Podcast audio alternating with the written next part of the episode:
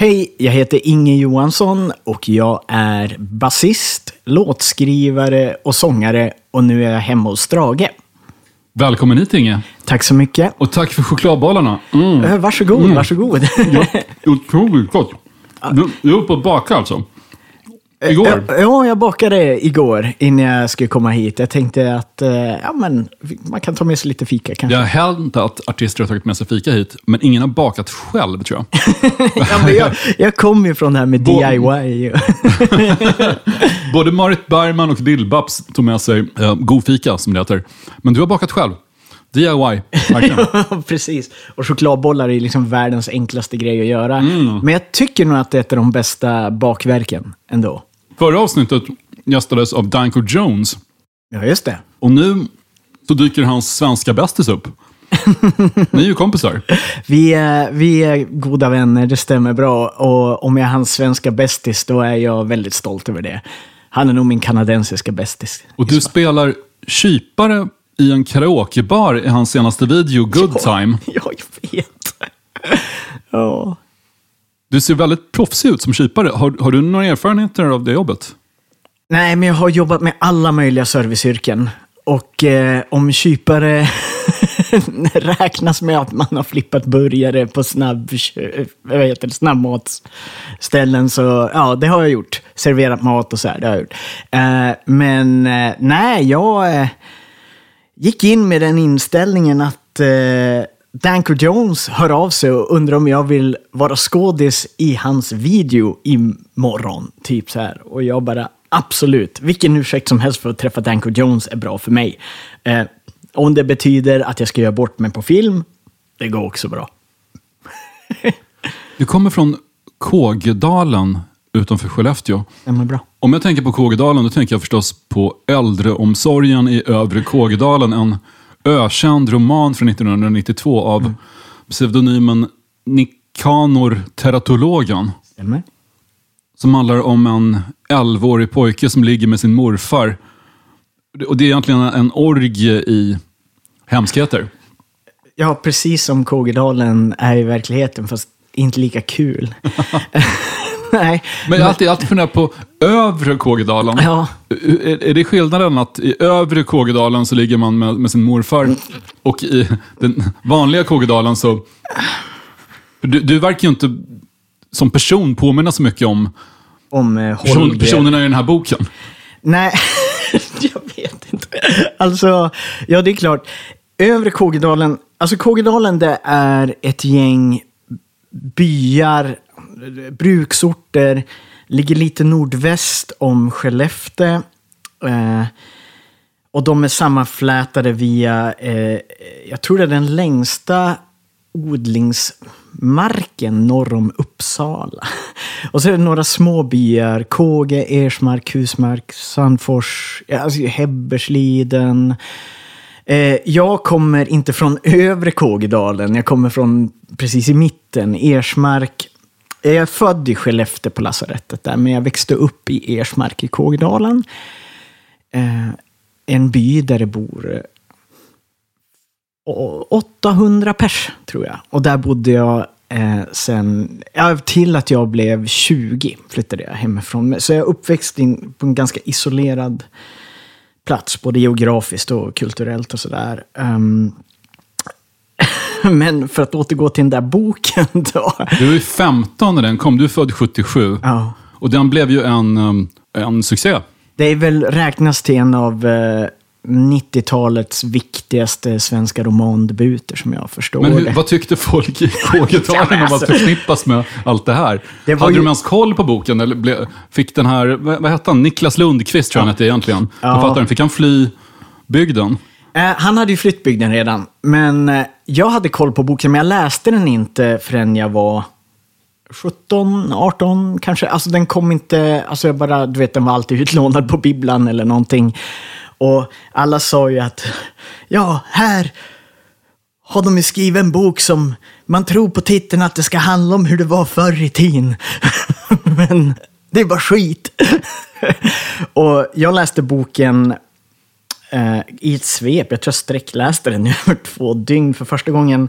Första gången jag läste den boken, även om jag hade varit exponerad för allt från liksom death metal till Lucio Fulci-filmer till eh, brittisk absurd komedi typ eh, Monty Python eller The Young Ones eller vad som helst.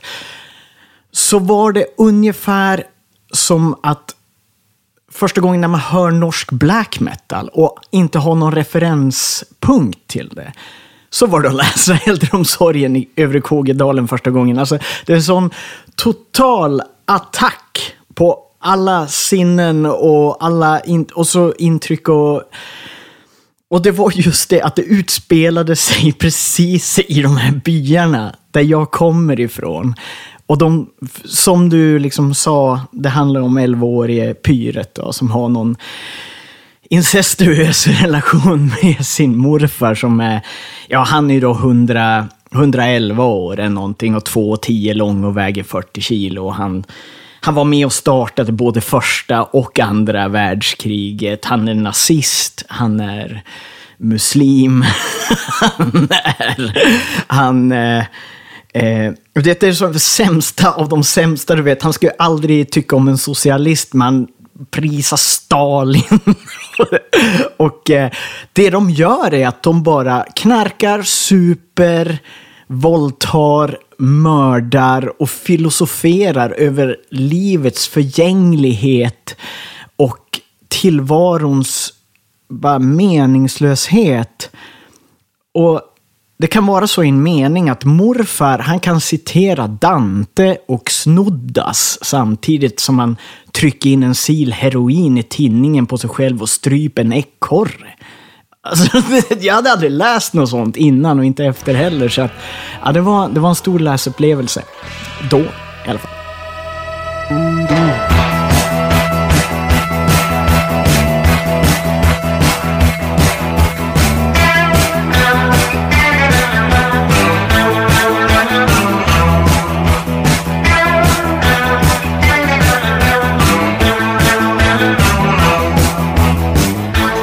På tal om eh, chockerande glesbygdsikoner.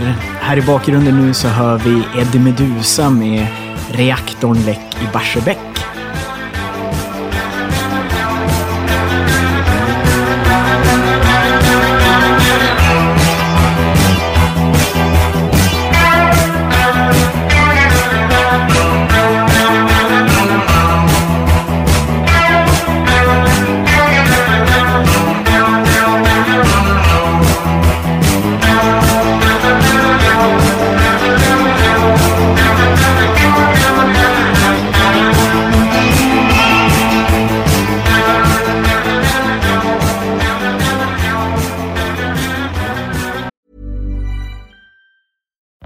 Happen in three years, like a chatbot may be your new best friend. But what won't change? Needing health insurance. United Healthcare Tri Term Medical Plans, underwritten by Golden Rule Insurance Company, offer flexible, budget friendly coverage that lasts nearly three years in some states. Learn more at uh1.com.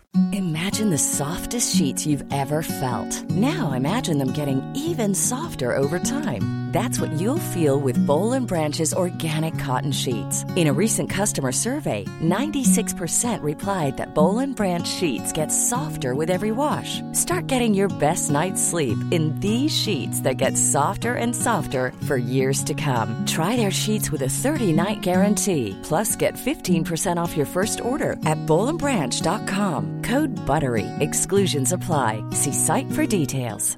I'm Sandra, and I'm just the professional your small business was looking for. But you didn't hire me because you didn't use LinkedIn jobs. LinkedIn has professionals you can't find anywhere else, including those who aren't actively looking for a new job but might be open to the perfect role, like me.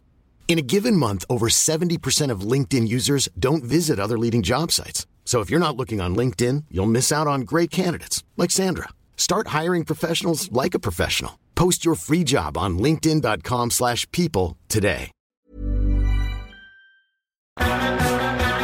Det här är väl John Norum som spelar gitarr? En väldigt ung John Norum.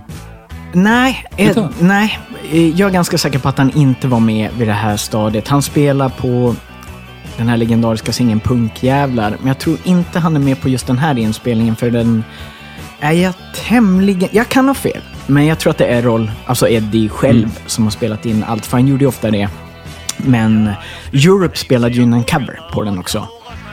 Eh, på första plattan, fast den heter Boyasont. Och eh, John Norum kom ju med i Eddie Medusas band när han var 15 basten och sånt där.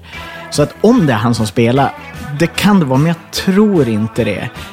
Ehm, Jag läste det nämligen, för den, blev uppenbarligen en hit i Mexiko, den här låten. Reaktorlek i Barsebäck. Ja, vilket den- är ja. ofantligt konstigt. Men den, den spelas på såna här, jag vet inte ens vad de kallas för. Mexikanska gangsterfester. Med folk med cowboyhattar och spetsiga skor som, där spetsarna är typ en halv meter långa. jag vet. jag har sett De- det på YouTube. Ja, jag har sett ett klipp också. De dansar till en Eddie Meduza-låt. Och jag vet inte om någon vet varför det har blivit så. Men eh, ja, den är en stor hit i Mexiko nu. Alltså, Fort, fortfarande. eller i alla fall för något år sedan. Alltså, du vet, min... Eh, nu, i de senaste tio år. Men, eh, men eh, den här låten, den är ju från 1981 och för ja, några år sedan blev den en jättehit i Mexiko. Eller jättehit, men en stor hit. Och där kallar de den him, Himno Alabanda. Heter den. Som jag tror det betyder typ kompisarnas nationalsång eller bandets nationalsång, gängets nationalsång, hymnen till dem. och, jag, och, och om det är John Norum som spelar och du hör det här, ursäkta, jag menar inte att ta ifrån dig något ur en sån här legendarisk låt. Jag, jag, jag bara gissade. Jag hade läst att han var inblandad i, Ja, i, i han låten. Men vad- ingick ju i Eddie Medusas liveband och var ute och turnerade folkparker med Medusa när han var tonåring. Alltså det är den största kitschdrömmen man kan ha. Liksom. Men vad har du för relation till Eddie Meduza? Han gjorde ju ändå punkjävlar om att nita sådana som du. Ja, eh, men allt är så uppenbart ironiskt. Och han... Eh, jag, har, jag tycker väldigt mycket om Eddie Meduza och det har jag gjort hela livet, så länge jag kan minnas. Jag är från landet, jag är från Vischan och Eddie Meduza är en del av folksjälen där på samma sätt som dansbandsmusik eller liksom epadunk som de håller på med nu. Jag tycker nog att han är en av de absolut intelligentaste och mång, mest mångfacetterade låtskrivare och artister vi har haft i Sverige. Och det finns liksom en, en Eddie-låt för varje tillfälle, tycker jag. Och så när du snackar om punkjävlar, ja men... ja, men det, det är så uppenbart ironiskt och roligt att han då, ja men, när han sjunger liksom bara vi vill höra riktig rock med ös och riv. Punkarna, de bara för ett jävla liv. alltså, alltså, hur kan man inte tycka att det är kul? Jag tycker att det är jättekul i alla fall. Var du punkare som tonåring? Ja. Hur, hur blev du det? Jag blev det... Eh, jag, hade, jag var hårdrockare när jag var barn. Från, som många andra barn på 80-talet. Eh, och eh, du vet, kom in i det här, man började leta tyngre grejer och eh, kom in på lite death metal och thrash metal och allt vad det var. Och eh, 1991, i början av året, så är det en skolkompis till mig som heter Jon, som går i min parallellklass. Jon Brännström, som senare hamnade i ett band som heter Refused. Han, eh, vi gillade båda liksom thrash metal och, och eh, liksom Metallica och eh, sådana band. Entombed var första bandet jag gick och såg till exempel. Han hade köpt en platta med ett band som heter Exploited. De hade just då släppt en skiva som heter The Massacre som kom 1990. Och det var den första punkplattan jag hörde. Dels var omslaget, det såg ut som en thrash metal-platta. Eh, alltså, som ganska tidstypiskt. Och på baksidan står det tre snubbar med jättetuppkammar och Dr. Martens boots och skinnjackor. Och en kille som ser ut lite som någon så här mm, skinhead eller någonting så här. Och låtarna heter så här... Eh, Fuck religion, police shit, don't pay the poll tax. så det, alltså det var som så här äh, super, superarga titlar. Och så slog vi på det där, eller han spelade för mig. Och då blev väldigt mycket av det jag redan lyssnade på eh, ganska obetydligt. Alltså mycket hårdrock och grejer åkte bara ut genom dörren och ut genom fönstret. Det var väldigt definierande musik för mig. Punk ska jag väl säga har Ja, jag hörde det första gången när jag var 14, det var Exploited och det förstörde hela mitt liv.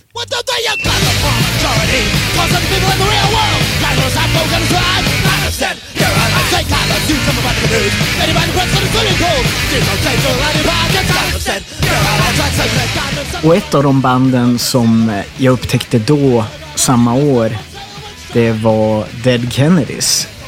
Som kom att bli otroligt viktiga för mig. En vägvisare för vad jag själv skulle göra i livet. Och nu ska vi lyssna på en låt som heter Moral Majority.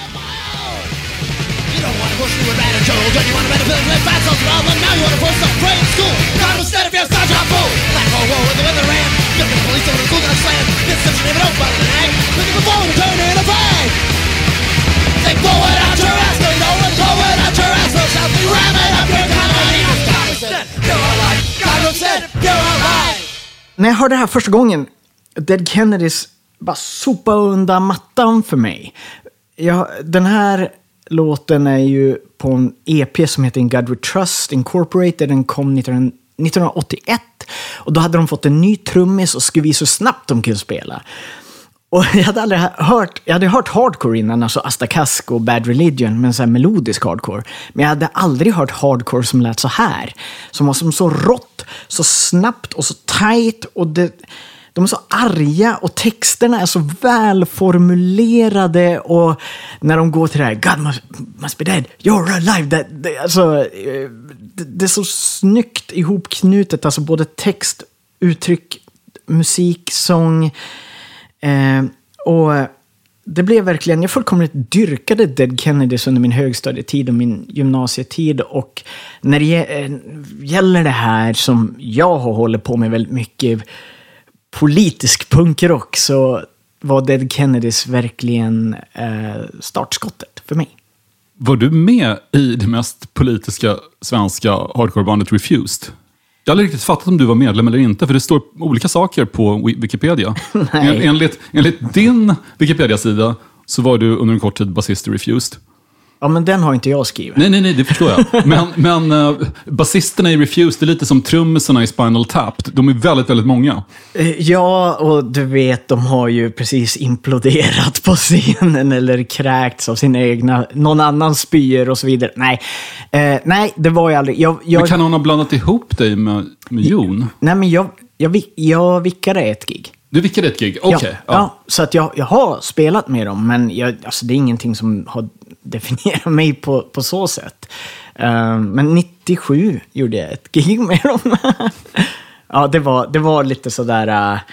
Uh, ja, det var, det, det, idag hade de säkert haft någon sån här gig-app för det. Du vet, någon sån här... Uh, Foodora liknande. Alltså, trycker upp en basist ja, istället. eh, Refu- Refuse behöver en basist. Vi behöver appen. en uh, vänsterdogmatisk punkbasist i pottfrisyr. Ja, precis. så tittar man på appen så är det en som kommer närma sig så med basen. Ja, precis som med den här pricken där massor som kommer till spel. Ja, de hade säkert haft det så, för att det var en väldigt ambulerande eh, ruljans på basister som kom och gick. Men nu spelar du i ditt eget projekt Gatuplan. Jajamän. Det namnet, jag, jag kommer att tänka på två saker. Jag kommer att tänka på hiphop, för det fanns en liten skivaffär som hette Street Level i Stockholm en gång i tiden. Jaha. Och sen kommer jag att tänka på um, Situation Stockholm, tidningen som hemlösa säljer. För där var, var alltid ett uppslag i den för, som hette I gatuplanet, försäljarnas egna sidor. Som jag brukar läsa. Ja, men tack för de eh, associationerna. Det kom inte därifrån, men jag gillar dem jättemycket. Jag tycker de kanske passar till och med. Nej, alltså, alltså titeln kommer ifrån... Det är inte konstigare än att eh, jag ville göra punkmusik på svenska igen efter att inte ha gjort det på länge och skriva mina egna låtar och testa sjunga och, och sådär. Och vad ska jag kalla det här? Och ett av mina favorit-tv-program genom alla tider, är en tv-serie som heter The Young Ones, som kom i början av 80-talet med Rick Mayall och Adrian Edmondson och så vidare. Klassiker, en, en punkare, en anarkist, en hippie och en jappie, eller snobb. Ja, en snobb. Som bor tillsammans i ett hus i London. Ja, och det är helt surrealistiskt. Det är liksom som att det är, det är tecknad film fast det är skådisar. Alltså, Så, du, så fick de väldigt stora band att spela live i programmet också. Motörhead var med, Dexys, Dexys Midnight Runners var med. Nanny Sherry var väl med med det här... äh, Rip Rig and Panic. Ja, precis. Och, ja. Ehm, ja, första gången jag hörde Motörhead var där faktiskt. Men hur som helst, i pilotavsnittet, då, då ska de se på tv, det har kommit ett nytt program för ungdomar som heter Nosing Around by young adults, for young adults, focusing on what young adults care about. Och så är det då du vet, eh, det är någon så här punkkille som är programledaren, jätte så här, eh, bara, lite agitatorisk. Och så nu ska vi liksom prata med, nu är det så här Vox Popoli, vi ska prata med vad ungdomar på gatan vill idag. Bara, Here's street level! Och så är det bara en, då intervjuar en massa ungdomar som bara står och bara, ja men det enda de vill, det är att få dricka på puben när de är 16. Bara att bara... why can't uh, the government realize that young people have a valid contribution to society? We just want to drink in pubs. I can join the army, the navy, the air force, marine, but I can't drink in pubs. Alltså det är alla, det är det enda de vill. Och jag tycker det var, så roligt att bara, och så bara står de där street level. If the kids are united we will never be divided. Och jag var såhär street level, gatuplan. Och jag bodde i USA då när jag kom på det här. Och så var det så här gatuplan, got a plan. Var det någon som hörde att jag sa då. Ah, got a plan, ah. Och jag bara, ja men det ska vi heta. Okej, då får det bli så. När jag gick i gymnasiet så hade jag ett industribodyband som hette Odessa. Och vi samplade The Young Ones. Såklart. Och döpte vår första och enda demo efter serietidningen som Vivian, punkaren, sitter och läser i ett avsnitt. Så, så vår demo hette The SS Death Camp Criminal Battalion Goes, to, Monte, Cassino for the Massacre. Tack. jag, har inte, jag har inte tänkt på det avsnittet sedan jag såg det tror jag. Men ehm, Åh gud, vad roligt att vi har den gemensamma beröringspunkten. Alltså det, jag älskar den där tv-serien så mycket. Jag älskar allt de gjorde. Den första gatuplansingeln hette Punkhjärta och kom för fyra år sedan. Och där sjunger du Rasisterna som jagar mig längs gatan när det var 90-tal har förökat sig sedan dess, val efter val. Och hon som jag var kär i då, hon som aldrig någonsin såg en pojkvänskandidat, nu har hon gått och skaffat barn med en moderat. fick, fick din gamla kärlek höra den här låten? Jag vet inte. jag har ingen aning. Var, varför var du så kär i henne? Vad var det för tjej? Nej, nej, nej, jag, alltså, oj. eh, nej, det var bara att jag... Var hon också punkare? Eller Nej, var, nej, det var, nej, absolut inte. Var hon så här, the one that got away? Den här... Nej, det är för många sådana i mitt liv. Så det, det they, kan... they all got away. Är all got away. Och eh, nej, eh, jag, eh, jag vet inte ens om... eh, Åh gud, ja, men det, det blir jättekonstigt att prata om någon annan och deras val i livet och så vidare. Så där. Men det hamnar i en låt, om någon liksom känner sig träffad så får de väl höra av sig eller någonting. Men jag tyckte det var någonting med att börja min första solo, för det är mitt soloprojekt där egentligen. Eh, solosläpp någonsin med ordet rasisterna, det första ordet i låttexten. Det sätter på något sätt en ton och en stämning tyckte jag. Absolut, men det, låten blir som bäst när du just påpekar att hon du var så kär i, hon har gått och gift sig med en moderat. Det är inte okej. Om man föreställer sig hur du nästan kanske ringer upp eller så här, mejlar lite på Facebook. Ursäkta, hej, Inge här. Du minns kanske inte mig. Jag var väldigt, väldigt kär i dig. Jag vill bara säga att jag tycker det är ganska svagt av dig att gifta dig med en moderat. Bara, tack på mig, hej då. ja, det borde jag kanske göra. Här, va- va- Jo, men det är det som är det roliga med att, med att vara riktigt kär i folk, att man skapar liksom en idealbild och sen blir man besviken när den som, som man är kär i inte lever upp till det. Ja, ja men så är det ju. Jättemånga gånger. Och när, när gamla kompisar tacklar av lite grann och får andra intressen än liksom Marx och Metallica och, och typ skaffa en familj eller vad, vad, vad håller ni på med? Vi ska ju spela musik och turnera och, och repa. Vad, vad är det? Men då inser jag att det är ju kanske jag som skulle ändra mig lite grann kanske. Jag har ingen aning. Och det här det är Black Sabbath med War Pigs.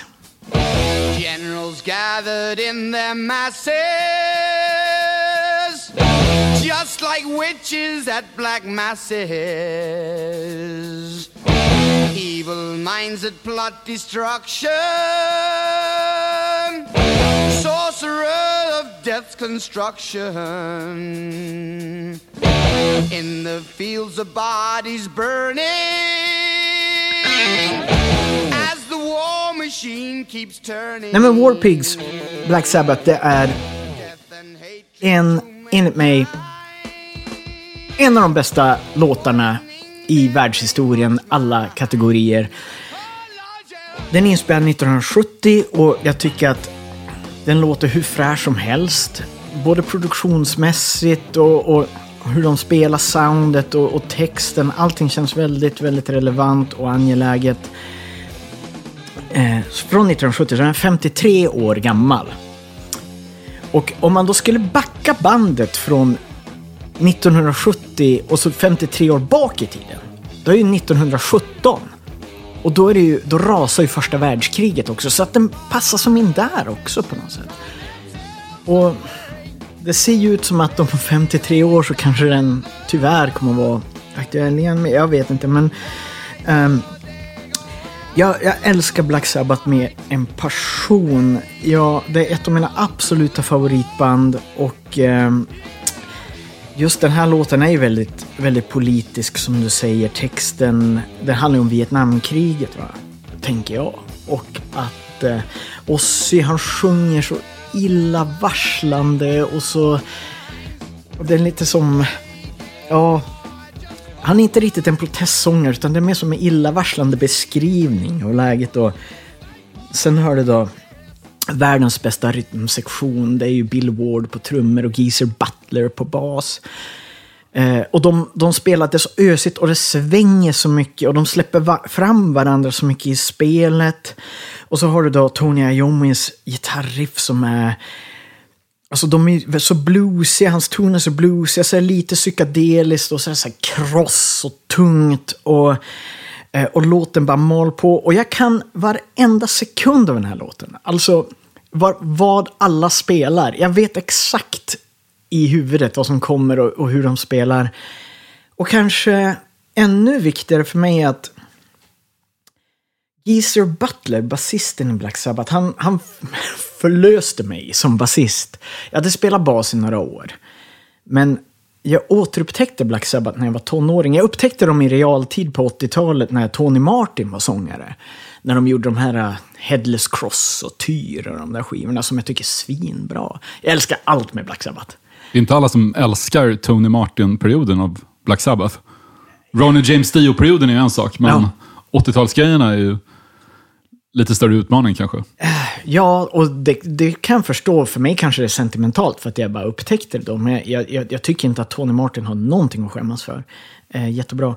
Men hur som helst så, så, så återupptäcker jag Sabbat någon gång i mitten av tonåren. Och jag har börjat spela bas. Men jag har inte riktigt fattat vilken sorts basist jag ska vara. Jag spelar punkband, men jag spelar även jazz och jag spelar funk och jag spelar lite så här folkmusik, allt möjligt. Och så hör jag det här. Och så inser jag, men det är ju den killen jag vill vara.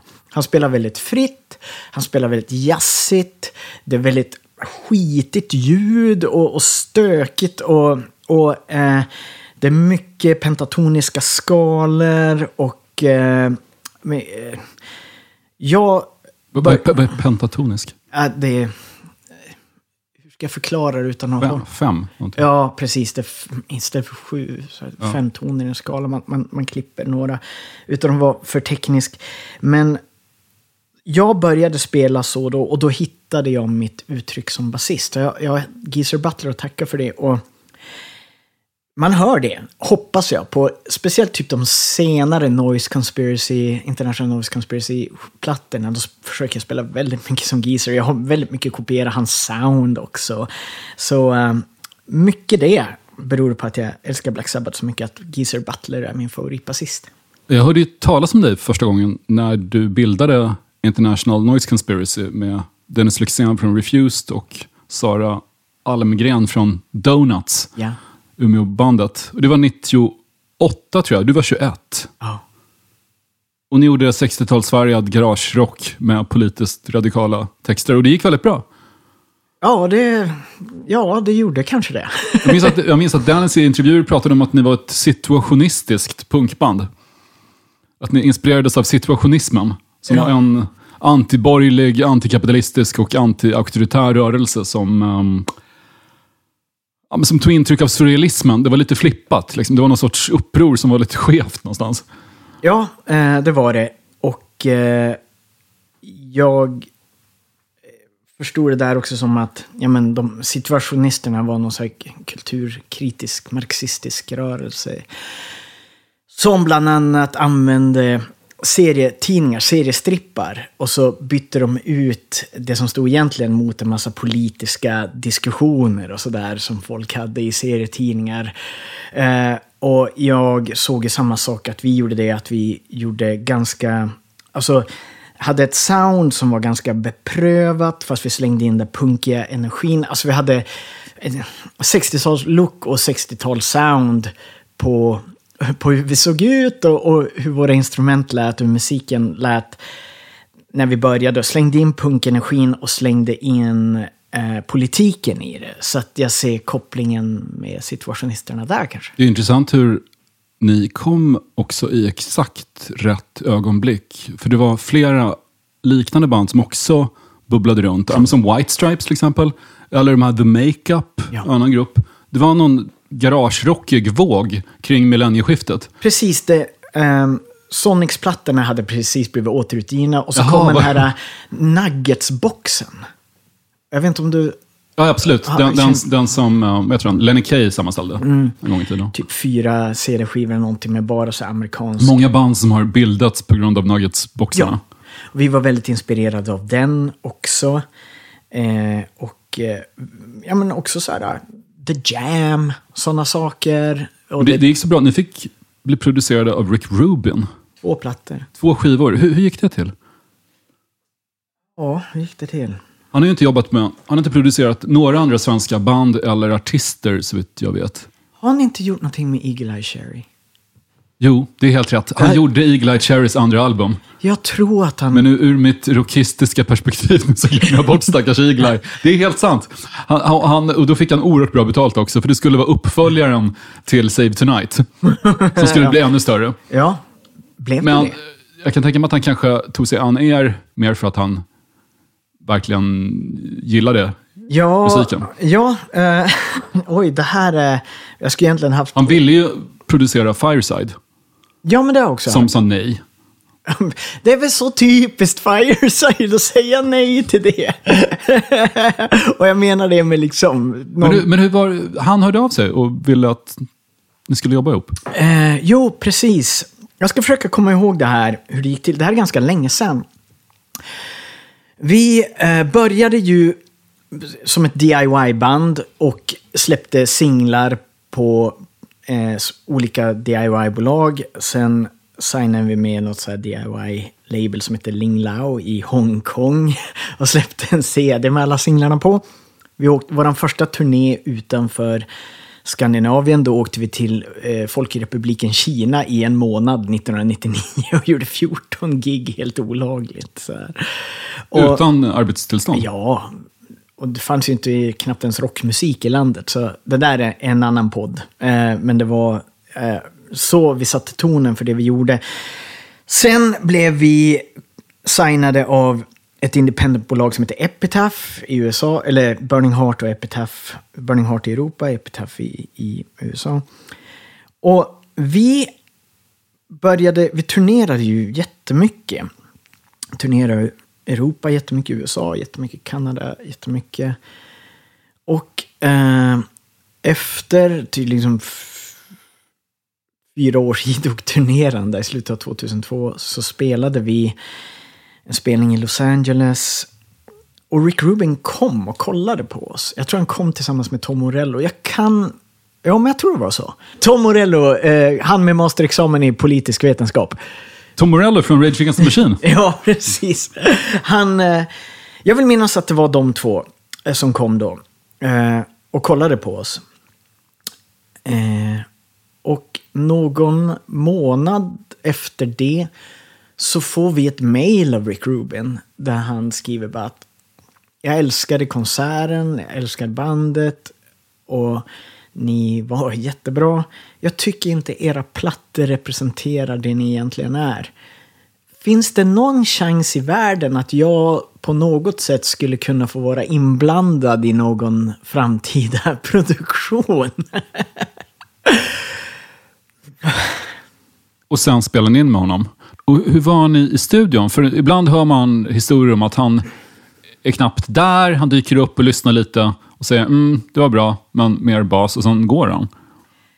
Första plattan var han väldigt, väldigt närvarande. För att då var vi nya och jobbade med varandra. Så jag att han ville verkligen eh, vara involverad på det sättet. Och det började egentligen med, vi hade ju ett gäng låtar som vi hade börjat skriva för en ny platta. Eh, vi hade turnerat alltså, i fyra år och hade gjort två, två album, massa eh, EPs och eh, någon liveplatta hade vi väl gjort också. Så, här. så vi, och vi skrev äh, låtar till vår tredje platta. Um, och när vi, det stod klart att vi skulle börja jobba med Rick Rubin, då började jag tyck, Dennis jobba på lite texter på sitt håll.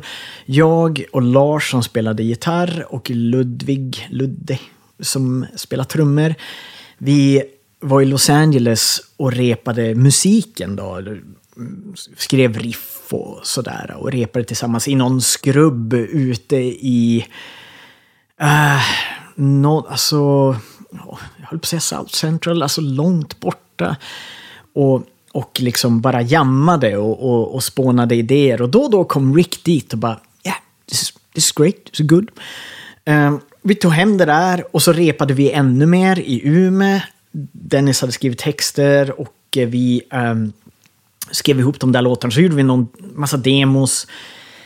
Och så fick vi ett mail av Rick och American att nu har ni nog mycket låtar, nu kan ni komma över.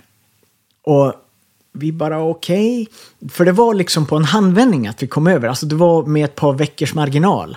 Så flög vi till Los Angeles, de bokade in oss på The Grafton på Sunset Boulevard. Alltså, vi bodde på något hotell i ett par månader.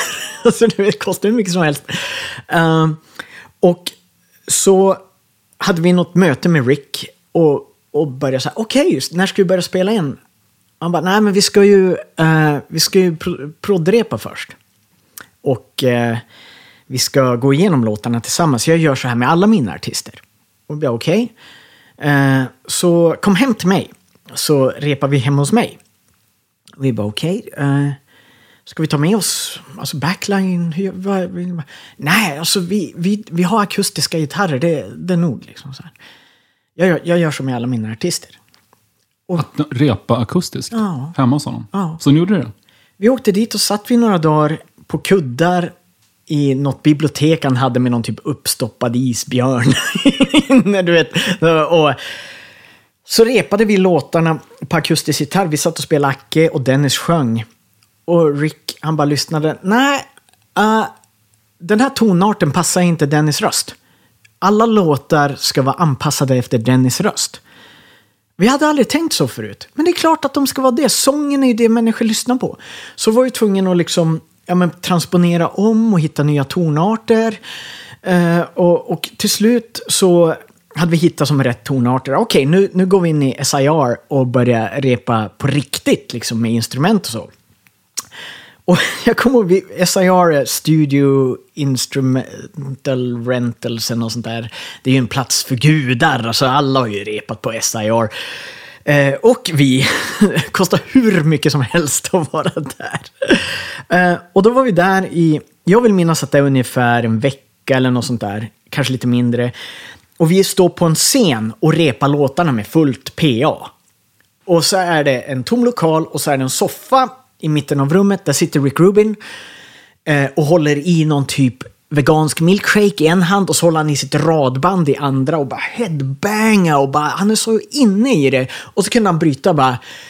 Uh, second verse, uh, straighten out the kick pattern. Eller du vet så här. Uh, eller du vet, den där basräkan du spelar där. Den funkar inte.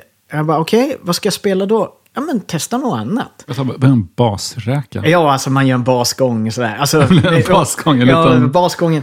Du vet, han, kunde, han, han har en förmåga att lyssna på en låt och så kan han ta in hela makro och mikroperspektivet samtidigt och bryta ner det och bygga upp det.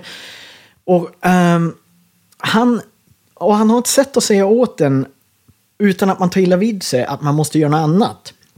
Han har ett sätt att vara väldigt peppande och väldigt, väldigt zen i sitt eh, sätt. Spelade ni in de här akustiska repetitionerna?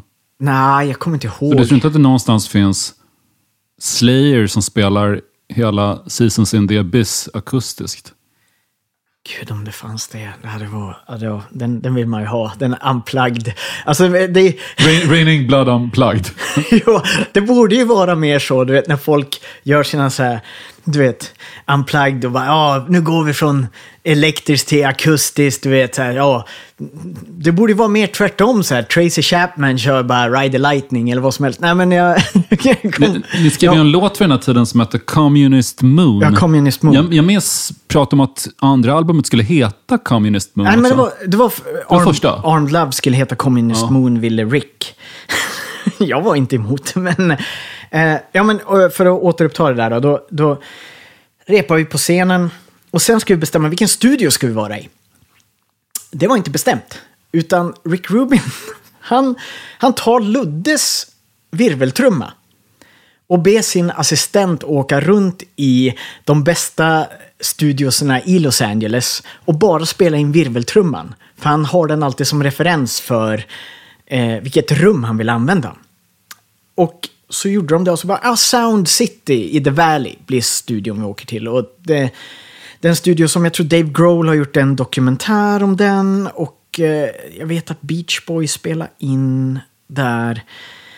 Eh, ja, en gammal fin studio. Och där var vi då och spelade in första eh, plattan med Rick Rubin. Den som heter, skulle heta Communist Moon, men som heter Armed Love då. Den spelade vi in eh, hösten 2003, så det är exakt 20 år sedan nu när jag sitter och berättar. Spelades International Noise Conspiracy Son? Eh, över e-mail. Över e-mail? Ja. ja, men vi, vi gjorde ju den där skivan med Rick Rubin och det kostade hur mycket som helst. Alltså, flera mille. Eh, och så gick inte den något bra för att den kom exakt i den här tiden när, när folk slutade köpa Buy More Stuff helt enkelt. Alltså när skivindustrin eh, kollapsade på grund av eh, fildelning och innan det här med streaming var etablerat. Det var typ 5-6 år som var ganska skakiga då bara de riktigt stora banden överlevde egentligen. Eh, och sen gjorde vi ju en till platta 2008 spelade vi, nej vänta, herregud, 2007 kan det vara det som vi spelade in nästa skiva eh, med Rick Rubin, den som heter The Cross of My Calling, som vart den sista. Som är, jag är väldigt stolt över den också. Men eh, vi blev droppade av American Recordings, för att göra en lång historia kort då. Och USA och Kanada, som var deras territorier, det var 60-70% av vår marknad. Så helt plötsligt ah, kunde vi inte turnera där längre, eller sälja några skivor där. Och då, eh, då dog vi en långsam utdragen död på turné helt enkelt. Vi, vi turnerade ju vi, väldigt mycket. Vi gjorde... Eh, vi började 1998 och sista gigget var i augusti 2009. Och vi gjorde 773 spelningar under den tiden. Oj. Eh, så eh, om, jag, om, min, om min rä- räkning stämmer, om min lista stämmer så gjorde vi det. Och vi splittrades över e-mail. Helt Blev ni osams? det alltså, det, men kom igen, alltså, det, det är inga band som, som splittras när bara, Åh, nu har vi gjort ännu en utsåld arenaturné och vi står här backstage och håller platinaplattor mot himlen och kramas och bara, men vi splittras. Det är inte så det funkar, utan så, saker och ting hade gått som det hade gått rent karriärsmässigt och vi hade också, du måste tänka, vi, när vi bildade bandet var alla, precis, om man snittade, precis över 20. Och så när vi splittrar bandet är alla precis över 30. Vi har blivit vuxna liksom tillsammans på turné. Eh, och i skivstudios. Och det är väldigt formativa år och man är en ganska annan person i tidiga 30 än tidiga 20. Man vill göra andra saker. Det är bara naturligt. Så är det. Det var en chock för mig. Att ni splittrades? Ja, det var... För det var det... Jag är jättepersonlig här, men det var ju de närmaste människorna jag hade i mitt liv. Det var... Eh, det var mitt sätt att leva. Det var min... Eh, det var mitt trygghetssystem. Det var hela min identitet. Jag var ju den killen i International Noise Conspiracy. Och, eh, och har gått från att liksom Ersmark i Kågedalen till Rick Rubin eh, betydde otroligt mycket för mig. Och det var en så stor del av, av, eh, eh av mig. Eh, jag, fan, ibland identifierar mig fortfarande som en medlem i Noise Conspiracy. Jag vet inte varför det är så, men det är så. Och eh, jag tyckte det var svinjobbigt. Men det var ju också så här att de andra hade kanske tänkt mer på det än vad jag hade tänkt på det och de hade tagit lite mer telefonnummer till andra musiker och producenter och grejer på turnéer än vad jag hade gjort och hade planerat saker. Det hade inte jag. Så att min värld bara försvann. Och det var, jag fick en identitetskris när det hände, helt klart. Eh, och vi var väl osams, men Var det då du flyttade utomlands? Eh, jo, precis. Jag flyttade utomlands då. eh, men jag vill bara säga att vi blev vänner igen väldigt snabbt. Och, eh, Ja, och du på nya Gatuplan-skivan Välkommen till underjorden så samarbetar du med Dennis Lyxzén för första gången sen Noise Conspiracy tror jag. Ja, det är första gången vi spelar in musik ihop. Men vi har gjort så vansinnigt mycket annat ihop. Vi har ju drivit klubb ihop och vi har... Dennis är en av mina absolut bästa vänner. Eh, jag älskar den karln. Jag är skyldig honom så mycket i mitt liv av den som jag är. Jag är, jag är den jag är idag. Mycket på grund av det jag och Dennis och de andra gjorde tillsammans i The International Noise Conspiracy och jag är medveten om det. Och någonstans vill jag kanske hoppas att han känner likadant och att de andra i gänget känner likadant. Jag, jag, jag har bara gått att säga om Dennis och Ludde och Lars och Sara. Eh, och jag tycker om att träffa dem, jag tycker om att hålla kontakten. Och det är värt så otroligt mycket- mycket för mig. För många band när de splittras så de är såta ovänner. Alltså det är som så här relation, du vet, skilsmässor när man aldrig vill träffas igen och man ska bråka om barnen och allt möjligt och så här. Så blev det inte. Jag är, jag är bara glad för att det går så bra för Men här, här känns det som att du kanske var barnet i bandet eftersom alla andra var medvetna om att ni skulle splittras och du var bara så här glad för att... Få vara med. Sen mamma och pappa försvinner. Ja, men lite. Ja. Fan vad jobbigt. Åh jävlar, där träffade du någonting. Ehm, ja, precis. Och jag, jag är bara liksom glad över att det typ går väldigt bra för typ Refused och Dennis och, och Sara och han gör coola grejer ihop. Ludde är ju trummis i Frankrikes största band och eh, det är bara... Vänta, Han trummar i Andoshin? Ja, precis. Ja, det är han ja. Ja, precis. Och, Jag har inte, gud, jag har inte, jag har inte gjort det. Vad, vad sjukt. Jag, har jag, har jag vet ju att han trummar i Andoshin, men Mm. jag har inte kopplat det till samma Ludvig. Ja, det, det är han. Så jag tycker det är svinfett. Det gör mig bara glad. Och det är liksom någonting som är, är viktigt för mig. Och på så sätt så är jag liksom extremt tacksam för den här tiden vi har haft ihop och musiken vi gjorde och 773 spelningar och fem album och sådär.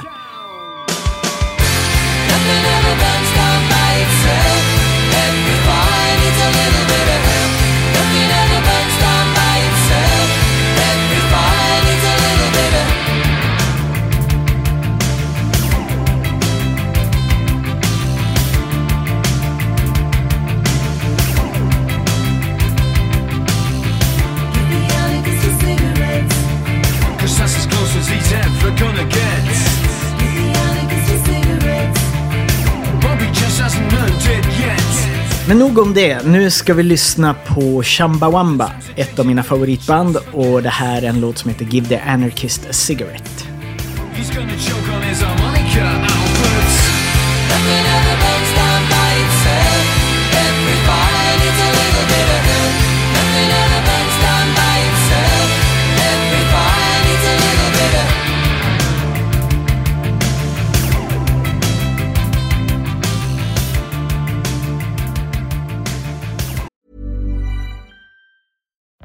Life is full of what ifs. Some awesome, like what if AI could fold your laundry? And some, well, less awesome, like what if you have unexpected medical costs? United Healthcare can help get you covered with Health Protector Guard fixed indemnity insurance plans. They supplement your primary plan to help you manage out of pocket costs. No deductibles, no enrollment periods, and especially no more what ifs. Visit uh1.com to find the Health Protector Guard plan for you. Quality sleep is essential. That's why the Sleep Number Smart Bed is designed for your ever evolving sleep needs. Need a bed that's firmer or softer on either side? Helps you sleep at a comfortable temperature? Sleep Number Smart Beds let you individualize your comfort so you sleep better together. JD Power ranks Sleep Number number 1 in customer satisfaction with mattresses purchased in-store. And now, save 50% on the Sleep Number limited edition Smart Bed for a limited time. For JD Power 2023 award information, visit jdpower.com/awards. Only at a Sleep Number store or sleepnumber.com.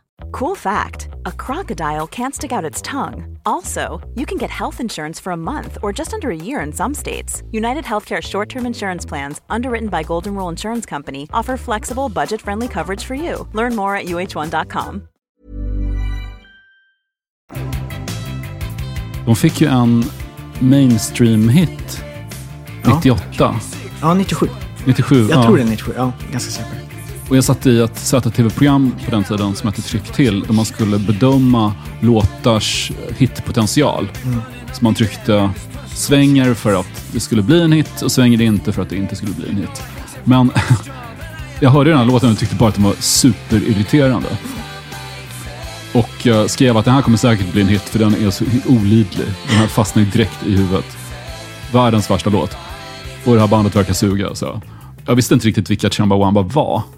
Sen var jag ute på stan och jag skulle åka tunnelbana från Medborgarplatsen. Och då kommer det fram en punkare. Så, du din jävla fitta. Du dissar Chumbawamba i tv.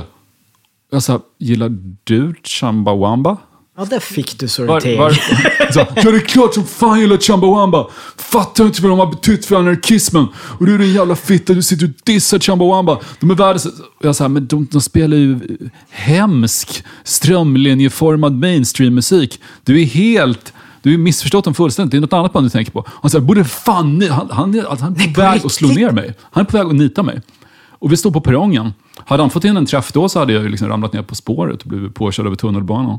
Men han... eh, och jag, jag, jag förstod ingenting, för jag hade faktiskt ingen koll på deras punkkoppling alls. Att, att de är ett viktigt anarkistband och sådär. Noll koll. Ja, det här, och förlåt om det här då river upp någonting i dig som, när ju pratat om noise conspiracy här. Eh, och då måste vi ju understryka att det inte är den låten vi har lyssnat på. Nej. Nej, utan det var deras låt Tub Thumping som kom... eh, ni- I won't get down. Någonting. I get knocked down. Ja, just det. Ja, precis. And I get up again. Ja, den kom ju 97 och nu ska jag vara en så här superhipster. Bara, jag gillar ju Chumbawamba långt innan de blev kända. Nej men, uh, Chumbawamba är ett uh, brittiskt anarkopunkband. De bildades i Leeds 1982. De var då jätteinspirerade av ett annat anarkopunkband som heter Crass. Eh, som var absolut massiva. Crass var jättestora. De sålde liksom hundratusentals plattor och de blev... Crass däremot hade jag ju koll på, för det är något du ser skrivet på punkskinnjackor och så. Ja, exakt. Så, så Crass visste jag vilka, vilka det var i gymnasiet, men Chumbawamba, det är också namnet. Chumbawamba, det, lå- det låter som någon typ av godis. Ja, nej, de hade bara hittat på det. Det betyder ingenting. Eh, och... Eh, Det låter som Kajagogo. Ja, men- det, det, det finns inget tufft i bandnamnet Chumbawamba överhuvudtaget. Nej, det gör ju inte det. Nej. Men jag är ju världens otuffaste människa och har gjort det till min grej att vara typ världens otuffaste människa och ocoolaste människa. Så att det passar ju mig perfekt. Men hur som helst, de bildades 1982. Jätteinfluerade av Crass. De tidiga inspelningarna, första plattan, så här, låter ganska mycket Crass. Eh, men de överlevde Crass rent kronologiskt. Alltså de fortsatte under 80 och 90-talet och blev ganska stora i början av 90-talet i punkscenen. Eh, de kunde åka runt i Europa och USA och dra liksom tusen pers och sälja mycket CD-skivor och t-shirts och så vidare. Den här låten, Give the Anarchist a Cigarette, den är första låten på en platta som heter Anarchy som kom 1994. Jag hörde den 1995 tror jag. Jag kommer ihåg, jag köpte den plattan då och eh, Minor Threats samling samma dag. Det var första dagen jag hörde båda de banden. och då blir man så här, Vilken dag. ja, ska jag supa eller ska jag inte supa? så här, hur ska vi göra? Eh, ja, det var, det var Just en- för Minor Threat var straight edge. Ja, exakt. Och Chumbawamba de gillar att Vad valde du då? Eh, Jag hade redan gjort mitt val lite tidigare, men eh, det var en eh, filosofisk brottningsmatch. Så, söp du eller inte? Jag slutade när jag var 14. Okej. Men hur Dricker du nu? Nej, Du jag, har inte druckit sedan dess? nej. nej, jag har inte det. Jag har inte ens smakat. Men jag vill prata om Chumbawamba. Ja, ja, jag vill så fortsätt, gärna prata om fortsätt. Chumbawamba. Jag älskar Chumbawamba. Okej, den här plattan, Anarchy, den kom 1994. Jag hörde den 1995. Och jag lyssnade på väldigt mycket alltså protestpunk, alltså Dead Kennedys, Asta Kask eller eh, ja men eh, band som var arga. Alltså det var så här fuck you, I want to what you tell me hela tiden. Det var så, man var på defensiven och, och um, jag hörde på ja, men discharge och sådana saker. Väldigt, väldigt eh, anti.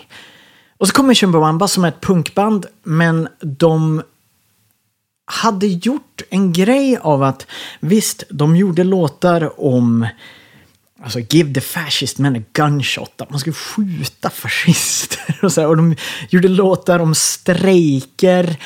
Och, och du vet, eh, du vet, det var mycket politiskt. Eh, allting, de var superpolitiska.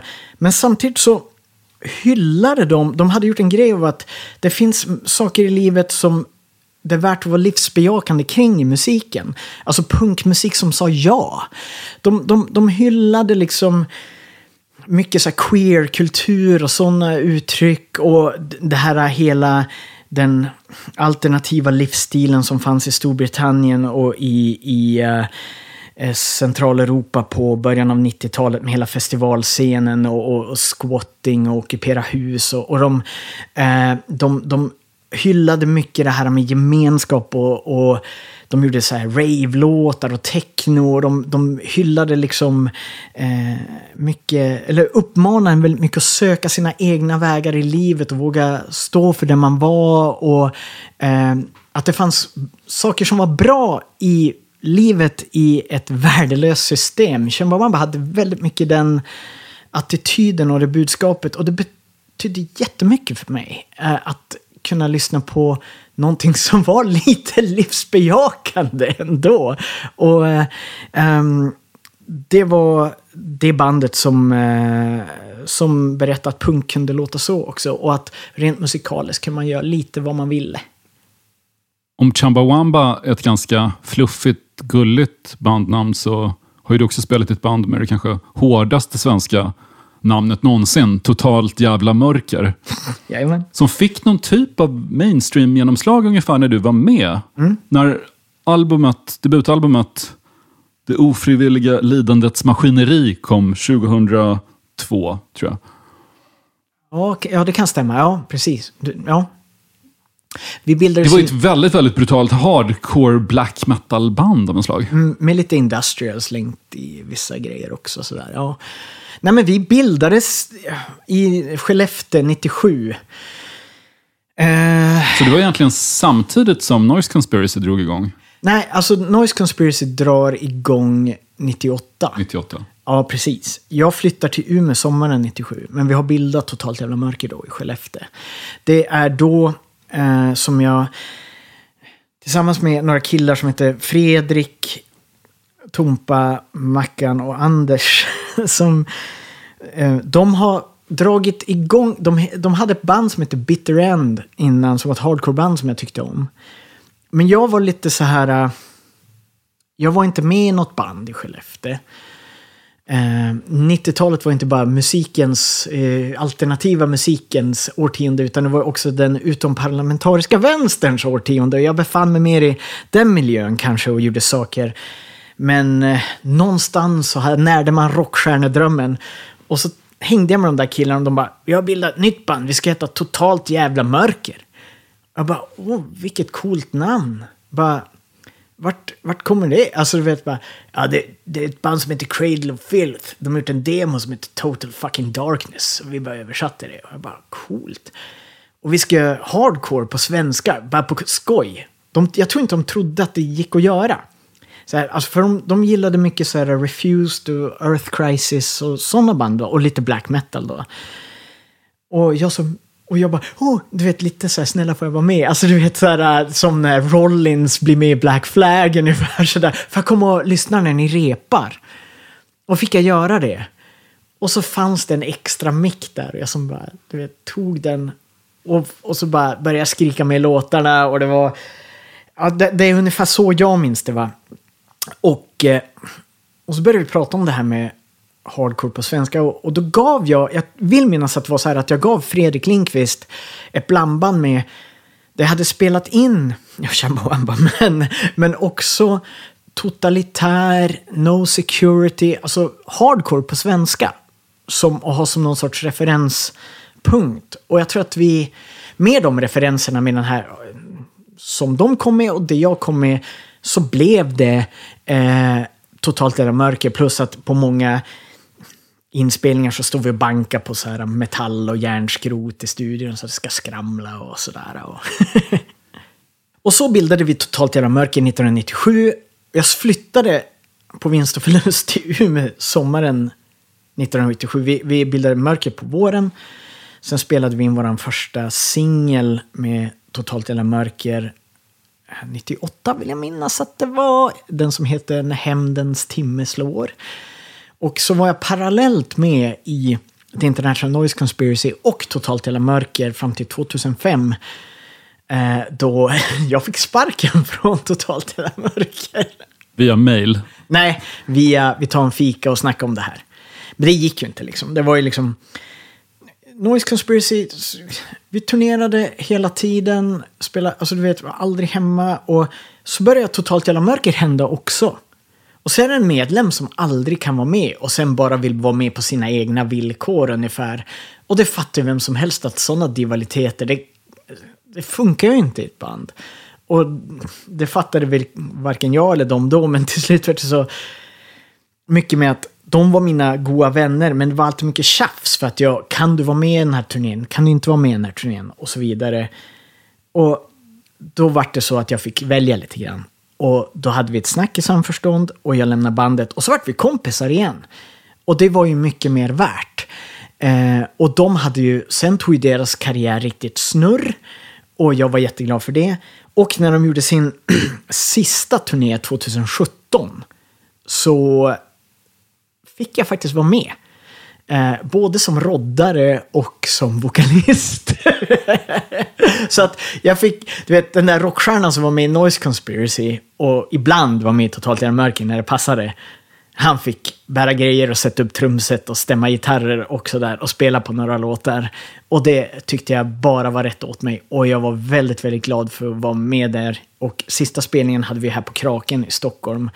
Och eh, jag kommer ihåg att en, en av medlemmarna i bandet sa och skrev det på Facebook att eh, det bästa med att lägga av med totalt jävla mörker efter 20 år är att jag aldrig någonsin i hela mitt liv behöver åka till Stockholm igen. Det var reklamen för spelningen. det var, vi vill aldrig åka hit igen. Men ja, så slutade vi 2017 då. That's the one. Oi. How did he not find a baggie with his hand in my shoe? Way too close for me. Oh well, at least they allowed me through. Should be a good night in here. Ramo in the main room. People keep pushing me though. No reception on the phone. And I'm thinking. Lights are blinding my eyes. They said they'd be here, they said. They said in the corner. And I'm Eh, men från mörker till ljus så ska vi lyssna på en eh, favoritartist till mig, The Streets, med Blinded by the Lights. Right, I'm on a plan. I wish the bouncers would go away. Borrow water off this man. Here goes nothing, okay? And I'm thinking, Lights are blinding my eyes. oh, that's proper rain. That tastes like hairspray. And I'm thinking, People rushing by, I hate coming to the entrance just to get bars on my phone. You have no new messages, so why haven't they phoned? Men, you write message. So Grime är ju den brittiska rappen helt enkelt. Där man istället för den amerikanska rapmusiken som ofta är afroamerikansk, där man sampla ett funkbeat, så här en takt och så repeterar man det och så, så rappar man över det. Alltså det var ju, förenklat så var det ungefär så hiphop kom till. Och i, väldigt, väldigt förenklat. I England så började man rappa över elektroniska beats och elektro, elektronika istället. Och på den här äh, utpräglade brittiska accenten. Och det är väl det som är grime. Jag tror det. Um, den här... Dizzy Rascal och sådana artister. Ja, MIA. Är också eh, ett bra exempel. Och Grime för mig har varit när jag inte förstår alls vad de rappar. Eller vad, vad, de, vad de, jag försökte intervjua Dizzy Rascal en gång och jag förstod faktiskt inte vad han sa alls. Det är nog den enda intervju på engelska där jag faktiskt inte har fattat ett jota. Åh jäklar. Ja, men Jag, jag är dålig på brittisk engelska redan från början, men, men i hans fall så jag förstår ingenting. Ja, jag, jag är inte bra på engelska överhuvudtaget. Men, men eh, ja, eh, jag tror det här är grime eller garage. Jag är inte säker. Jag tycker bara det är så himla bra. Um, den här låten är Blinded by the Lights heter den. Den är från plattan A Grand and Come For Free som kom 2004.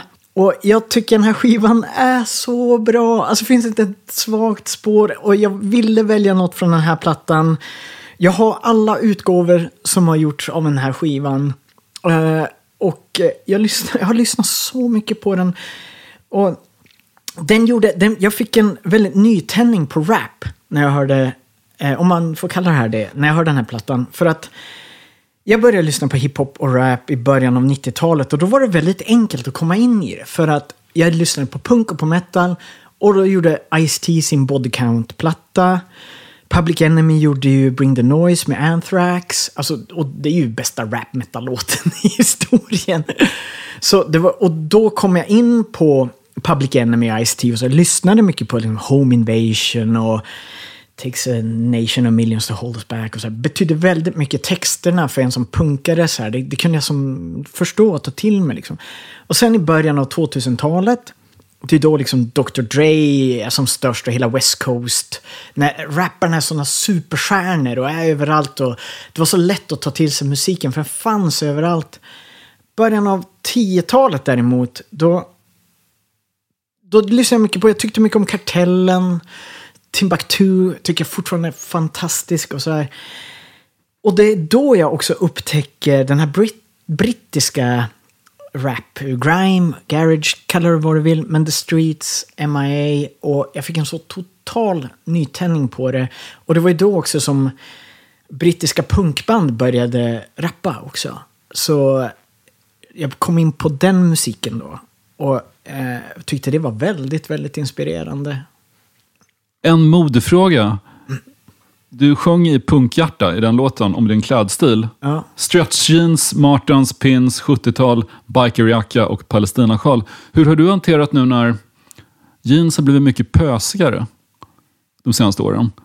Har du hamstrat tajta jeans så att du Ja. klarar dig? Ja, jag har gjort det. Jag också. Ja, jag har hamstrat tajta jeans. Jag vet vilka... Jag köpte på mig när jag såg åt vilket håll samhället var på väg. Ja. Vi kanske är tillbaka in i så tidigt 90-tal, rave och baggy pants, baggy trousers och sådär. Kanske, kanske är på gång igen. Jag hoppas ju dock att det går hela varvet runt snart. Jag har, har en vän som skriver mycket om mode och han påpekade att nu har till och med de absolut svennigaste mellancheferna på Electrolux börjat köra ganska säckiga jeans. Oj då. Ja, då är det ju på väg helt Så åt snart är de smala igen kanske. Eh,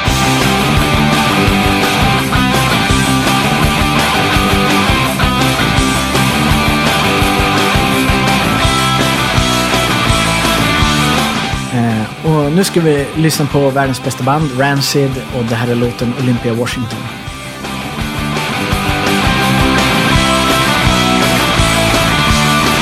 Hanging out with Lars down on 6th Street. He knew that I was in trouble. I was feeling much like the devil. The was something burning deep inside of me. Ran. These girls took us to the house where we played a lonely pinball machine. Hanging on the corner, 152nd and Broadway. The cars passing by, but none of them seem to go my way. Du och Dennis har ju spelat med Rancid. Det finns ett klipp på YouTube. Ja. Ni uppträder tillsammans. Ja, med International Noise Det är hela Conspiracy. Noise Conspiracy också. Ja, Ja. tillsammans med Tim Armstrong och Lars Fredriksson från Rancid. Vi kör den här låten. Eh, ja, ja, men för att berätta lite kort. Uh, Rancid är ett eh, punkband från Kalifornien som jag tycker är, det är mitt favoritband. De, den här låten kommer från 1995 från en platta som heter And Out Come the Wolves som jag tycker är världens bästa punkplatta. Alla andra punkplattor får ursäkta men det här är den bästa. Och det vet jag för att jag har lyssnat på punk i över 30 år. Det var rätt att säga det också. Plus att jag hade hört London Calling innan och Nevermind the Bollocks och allt det där. Låten eh, sjungs och är skriven av en av deras två huvudsakliga låtskrivare och eh, sångare Tim Armstrong. Den andra killen heter Lars Fredriksen. Den här låten är skriven av Tim Armstrong. Den handlar om en tjej som heter Toby Vane som spelar trummor i Bikini Kill. Och hon bodde i Olympia, Washington. Och eh, de hade någon liten romans. Och Den här låten utspelar sig i New York. Bara hanging on the corner of 52nd 52nd and Broadway. Det är en klubb som ligger där som heter Roseland Ballroom. Jag har spelat där själv någon gång vet jag. Men, men um, Ja, den handlar bara om att han är i New York och längtar efter att åka till Olympia, Washington för att träffa den här tjejen. Det, det låten handlar om. Alltså, det behöver inte vara så mycket mer i en låt ibland. Uh, och sommaren 2004 så turnerade The International Noise Conspiracy med den andra Eh, huvudsakliga låtskrivaren och gitarristen i Rancid, Lars Fredriksen. Han hade ett band som hette Lars Fredriksen and the Bastards. Vi gjorde en USA-turné en sommar ihop. Och vi kom väldigt bra överens. Eh, hade jättekul ihop. Och så sa han bara, ja men Tim Armstrong kommer till Columbus när vi ska spela där och hälsa på. Vi bara, ja men vi måste ju spela en låt ihop. Vi måste spela en Rancid-låt ihop på scenen. Och de bara, ja, kör, vi, vi kör Olympia. Vi kunde den av någon jäkla anledning. Vi var, ja, vi, vi bara kunde den låten. Vi repade den inte. Så kom han dit och bara...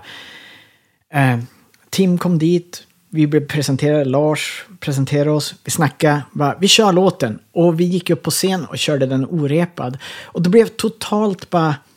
Den stämningen som uppstod när Tim och Lars kom upp på scenen och vi blev The International Rancid Conspiracy i Columbus, Ohio sommaren 2004 och vi körde den här låten ihop. Ja, det är något av det mäktigaste jag upplevt i hela mitt liv och jag vill tro att min karriär pikade där. Det är det största jag har gjort någonsin. Eh, och då körde vi den här låten och det är ju också därför den betyder så väldigt mycket för mig.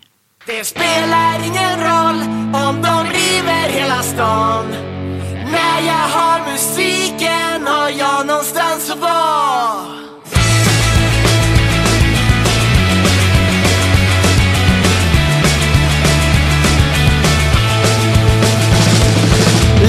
Blev söndag, allting kul måste ta slut 18 år på linje 100 åker E4 norrut Och jag tänker på hur det var igår på alla band jag såg sista rundgången Men Fredrik, det här har varit jättetrevligt och jag är jätteglad att du tyckte om chokladbollarna som jag tog med mig hit. Jag älskade chokladbollarna.